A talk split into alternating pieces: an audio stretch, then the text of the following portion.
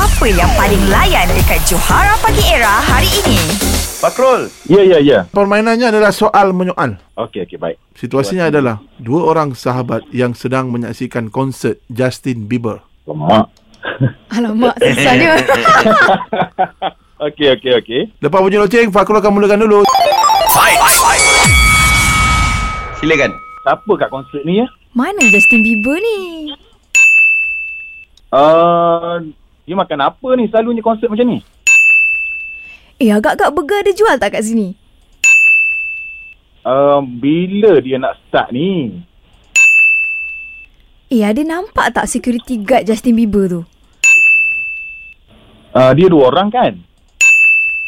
Hmm. Agak-agak dia ada partner duet tak konsert ni? Pemain drum dia tu siapa eh? Berapa awak beli tiket konsert ni? Dua ringgit ke berapa eh awak rasa?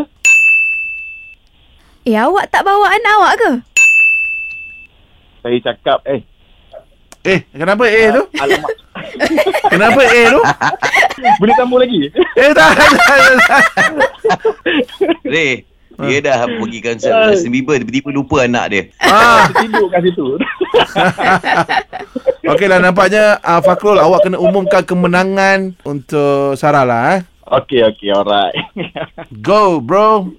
Sarah, Saya. you win. Ah baik. Catch up dengan lawak-lawak on points yang Johara Pagi Era delivery setiap hari Isnin hingga Jumaat bermula 6 pagi hingga 10 pagi.